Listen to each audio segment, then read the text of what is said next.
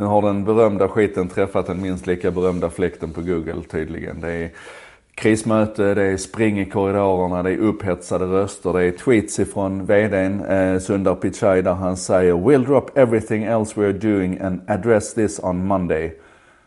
Och vad är det då som har hänt? Jo, medieanalytikern Thomas Bäckdahl skickade ut en tweet där han eh, satte fingret på en öm punkt. Det är nämligen så här att Googles emoji för cheeseburgare lägger osten underst istället för osten överst. Alltihopa är naturligtvis ett utslag av den här skämtsamheten och lekfullheten som techvärlden ibland, tyvärr allt mer sällan, lite grann har gjort sig känd för.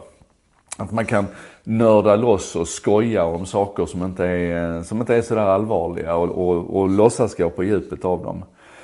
Thomas Bäckdahl är alltså en, en dansk medieanalytiker. Han är en, eh, en profil i medievärlden. Men jag tror inte att Google har jättebra koll på honom. Men i alla fall så skickade han ut en tweet där han skrev, eh, ska vi se här, han skrev så här. I think we need to have a discussion about how Google's burger emoji is placing the cheese underneath the burger while Apple puts it on top. Och går man sen in på Emojipedia, en fantastisk sajt som ni måste ha koll på. Emojipedia som listar alla emojis och hur de emojisen presenteras av de olika leverantörerna.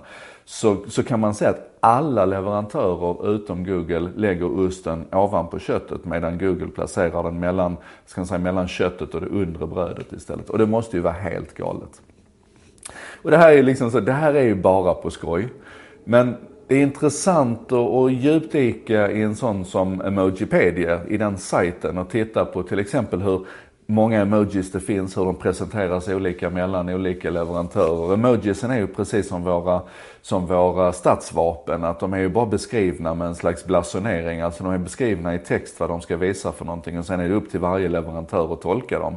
Och då kan man ju se lite spännande skillnader på de olika leverantörerna. Till exempel så funderar jag alltid över varför Samsungs krokodil inte ser ut som en krokodil att jämföra med alla de andra.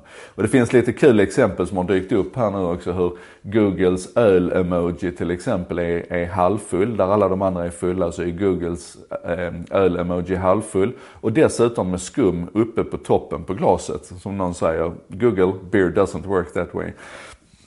Eller hur man kan detektera kulturell känslighet i de här. Om man tar den här eh, emojin för, eh, nu ska vi se, vad är det? Ja, för, för kinesisk mat är den förmodligen den emojin. Den här pappkartongen, takeaway-kartongen. Och då har Apple, Google, Microsoft och många av de andra, de har kört ner chopsticksen, alltså ätpinnarna, i den här papperskartongen. Men det där är inte riktigt schysst. Facebook däremot har fattat det. Då är kartongen stängd och så ligger pinnarna horisontellt på istället. Alltså överhuvudtaget det där med att köra ner ätpinnarna i någonting. Det är inte, det är inte okej okay kulturellt.